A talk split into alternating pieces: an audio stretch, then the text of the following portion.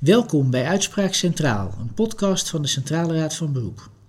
In iedere aflevering staat een bijzondere uitspraak centraal. We maken deze podcast om te vertellen over welke zaken wij beslissingen nemen en om inzicht te geven in beslissingen die interessant zijn op het gebied van rechtsvorming en rechtseenheid. Mijn naam is Willem-Jan van Brussel en ik ben raadsheer bij de Centrale Raad van Beroep. In het voorwoord bij het laatste jaarverslag van de Centrale Raad van Beroep over 2021 de vindplaats vindt u in de beschrijving van de podcast, schrijft de president van de Raad, Takvoor Afedisian, dat de Raad zich gesteld ziet voor de volgende vraag. Wat is uit oogpunt van de menselijke maat en effectieve rechtsbescherming nodig om echt recht te blijven doen, juist als wet en regelgeving knellen? Deze keer ga ik een uitspraak over de participatiewet bespreken, waarin deze vraag wel heel nadrukkelijk speelt. Ik ga dat doen met Karen Jacobs, raadsheer bij de Raad in de werkstroom bijstand. Welkom Karen. Goed om te vermelden dat jij niet betrokken bent bij deze zaak. Klopt helemaal, ja. Uh, de kwestie waar de uitspraak over gaat is best een ingewikkeld uh, probleem in algemene zin. Wat is het probleem wat hier speelt, Karen? Het probleem wat hier speelt is dat een echtpaar in de bijstand wel recht heeft op een maximale toeslag, bijvoorbeeld huurtoeslag, zorgtoeslag, en een echtpaar waarbij sprake is van een inkomen uit werk of uit via met een aanvulling vanuit de bijstand geen recht heeft op maximale toeslagen. En hoe komt dat? Dat komt door een uh, gebrekkige afstemming van fiscale regelingen. Uh, dat heeft te maken met de afbouw van de algemene heffingskorting. En die afbouw is anders geregeld voor mensen in de bijstand en voor mensen met een andere inkomensbron. En dat die regelingen ja, zijn dus ja, wat gebrekkig op elkaar afgestemd en daardoor uh, kan dit probleem ontstaan. Het echtpaar waar het in deze uitspraak over gaat, wat was hun situatie? Hun situatie is dat meneer een via-uitkering ontvangt en dat zij een aanvulling vanuit de bijstand ontvangen tot gehuwde norm. Wat was hun probleem met de toeslagen? Een probleem met de toeslagen was dat zij uh, ja, die moesten terugbetalen. En dat, dat vonden ze onterecht, omdat ze dus wel een inkomen op dat minimumniveau hebben. En het echtpaar vond dat zij eigenlijk een aanmerking zouden komen voor maximale toeslagen. Nou, dat was niet zo door die gebrekkige afstemming van de fiscale regelingen. Daardoor was hun inkomen zodanig dat zij geen recht hadden op maximale toeslagen. En uh, moesten zij in totaal in 2015 een bedrag aan 438 euro aan zorg, huurtoeslag en kindgebonden budget terugbetalen. En in 2016 een bedrag van 550 euro. Dus doordat ze aanvullende bijstand hadden, kregen ze, hadden ze minder recht op toeslagen? Ja, dat ze aanvullende bijstand hadden en dus daarnaast een inkomen uit andere bronnen. En in dit geval had uh, meneer een via-uitkering. Ze wenden zich daarvoor tot de gemeente. Wat vroegen ze aan de gemeente? Vroegen aan de gemeente om bijstand ter hoogte van het bedrag dat ze moesten terugbetalen aan toeslagen. Uh, wat besliste de gemeente daarover? Nou, de gemeente uh, is, heeft, heeft, dat verzoek niet toegewezen, heeft het verzoek afgewezen. En ja, de gemeente zegt, ja, het is niet aan ons om hier bijstand voor te verlenen. De wetgever heeft hier niets voor willen regelen voor de situatie waar jullie in zitten.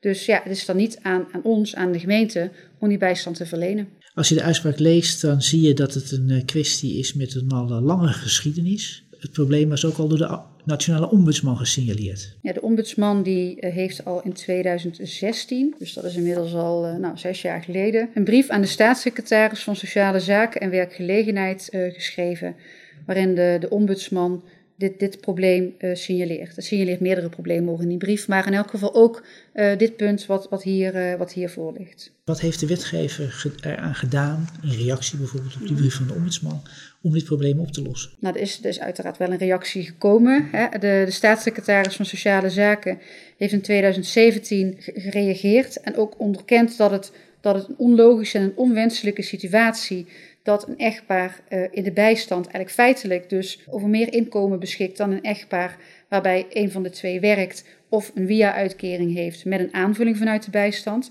Ja, dat vond de staatssecretaris ook onlogisch en onwenselijk. De staatssecretaris beschrijft dat er onderzoek wordt gedaan naar de aard en de omvang van de problematiek.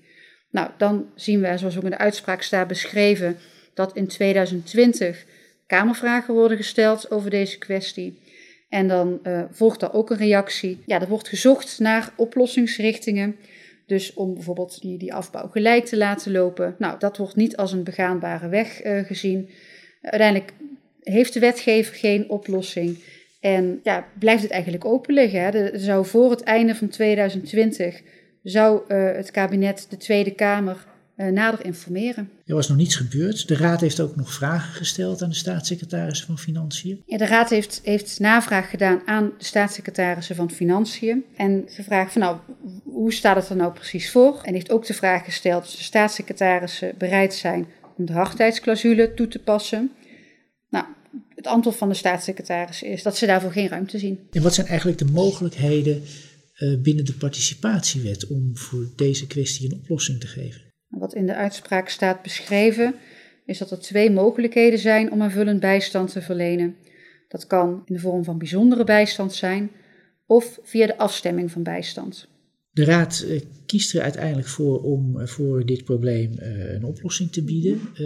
waarom doet de Raad dat? Maar de Raad doet dat eigenlijk heel kort gezegd omdat het de wetgever niet is gelukt en deze mensen wel een, een probleem hebben. Ja, hun inkomen zit wel beneden het bestaansminimum. Ja, hun inkomen zit, zit, daar, uh, zit daar gewoon feitelijk uh, beneden. En voor welke oplossing kiest de Raad? De Raad uh, kiest ervoor om artikel 18 eerste lid van de participatiewet toe te passen. En dat is dus de afstemming van bijstand. Dat is de keuze die de Raad uh, maakt in deze zaak. En waarom wordt voor die uh, oplossing gekozen? Nou, omdat de algemene bijstand is bedoeld om te voorzien in de algemeen noodzakelijke kosten van het bestaan.